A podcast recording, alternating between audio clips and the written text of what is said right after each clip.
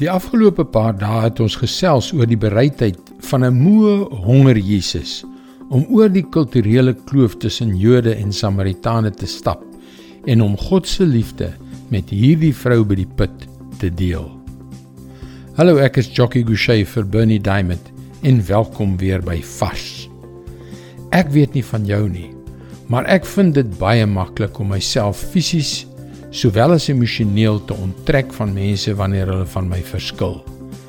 Dit is baie veiliger om onsself in ons eie ruimte te omring met diegene wat met ons saamstem as om uit te reik na die sondaars daar buite. Is dit nie waar nie? En tog het Jesus se bereidwilligheid om verskeie kulturele grense oor te steek deur met die vrou by die put te praat baie meer vrug opgelewer.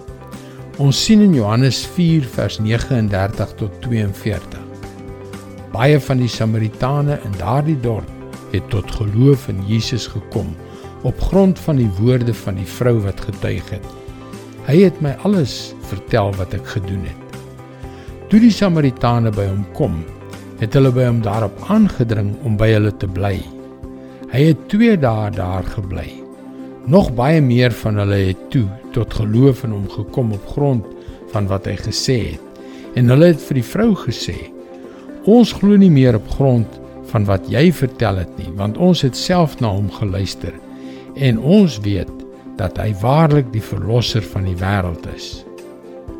Ja, ek weet. Ons kan die veilige ding doen en tussen in ons eie kringetjie bly.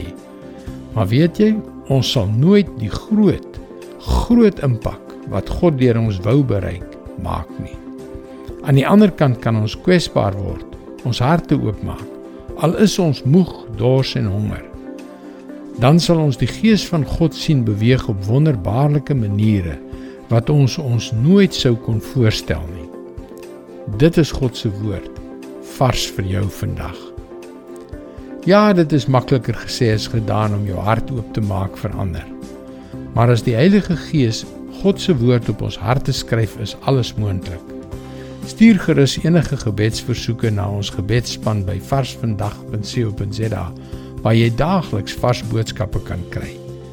Mooi loop en luister weer môre na jou gunsteling stasie.